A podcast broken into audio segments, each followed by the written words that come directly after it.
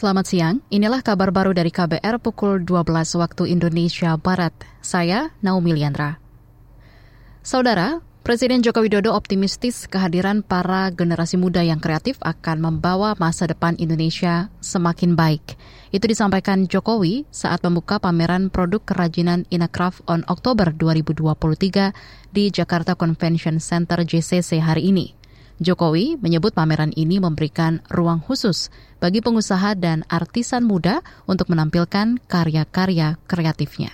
Pameran ini sekarang memberikan ruang khusus untuk anak-anak muda, youth planner, dan yang artisan dengan target segmen generasi Z, Gen Z untuk menampilkan karya-karya kreatifnya. Ini sebuah inisiatif yang baik karena potensi kreatif anak-anak muda kita sangatlah besar. Dan dengan kehadiran anak-anak muda ini, saya makin optimis bahwa negara ini akan semakin baik. Presiden Jokowi berharap kegiatan Inacraft 2023 mampu mencatatkan transaksi dalam jumlah besar. Pameran ini diikuti oleh para pengrajin yang mengisi 700-an booth atau tempat pameran di JCC. Partai Demokrat memuji kepemimpinan Presiden Joko Widodo. Ketua Majelis Tinggi Partai Demokrat Susilo Bambang Yudhoyono mengatakan Presiden Jokowi berhasil memperbaiki sejumlah hal yang belum diperbaiki semasa ia menjabat sebagai kepala negara. Selain itu, Jokowi juga dinilai telah melanjutkan pembangunan. Nah itulah Demokrat punya komitmen dan tidak pernah berubah. Yang baik dilanjutkan tadi itu, yang belum baik diperbaiki. Lima tahun ke depan mesti ada yang diperbaiki.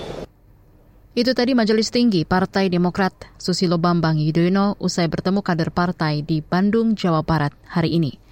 Di Jakarta, Presiden Joko Widodo membenarkan pertemuannya dengan SBY pada awal pekan ini membahas politik 2024. Namun Jokowi enggan memerinci detik percakapan keduanya.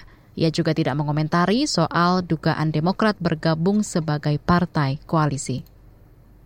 Beralih ke informasi olahraga, dari cabang bulu tangkis Asian Games Hangzhou, tunggal putri Indonesia Putri Kusuma Wardani harus mengakui keunggulan pemain andalan India, Pusarla Visindu di babak 16 besar nomor perseorangan.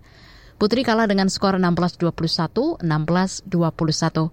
Hingga saat ini tim Merah Putih mengumpulkan 26 medali dengan rincian 6 medali emas, 5 medali perak, dan 15 medali perunggu. Indonesia mendapat tambahan dua medali emas dari cabang olahraga angkat berat dan panjat tebing. Lifter Indonesia, Rahmat Erwin Abdullah, mempersembahkan emas dari cabang angkat besi kelas 73 kg. Sedangkan dari cabang panjat tebing, Desak Maderita Kusuma Dewi meraih emas dari nomor speed putri. Saudara, saat ini Indonesia berada di posisi 12 pada klasemen sementara perolehan medali pada ajang Asian Games. Perolehan medali Indonesia masih lebih unggul dibanding Singapura dan Malaysia. Namun masih tertinggal jauh dibanding Thailand yang saat ini berada di posisi 7 dengan raihan total 42 medali. Sementara tuan rumah semakin kokoh di puncak klasemen dengan perolehan dengan perolehan 164 emas, 90 perak, dan 47 perunggu. Demikian kabar baru dari KBR, saya Naomi Liandra.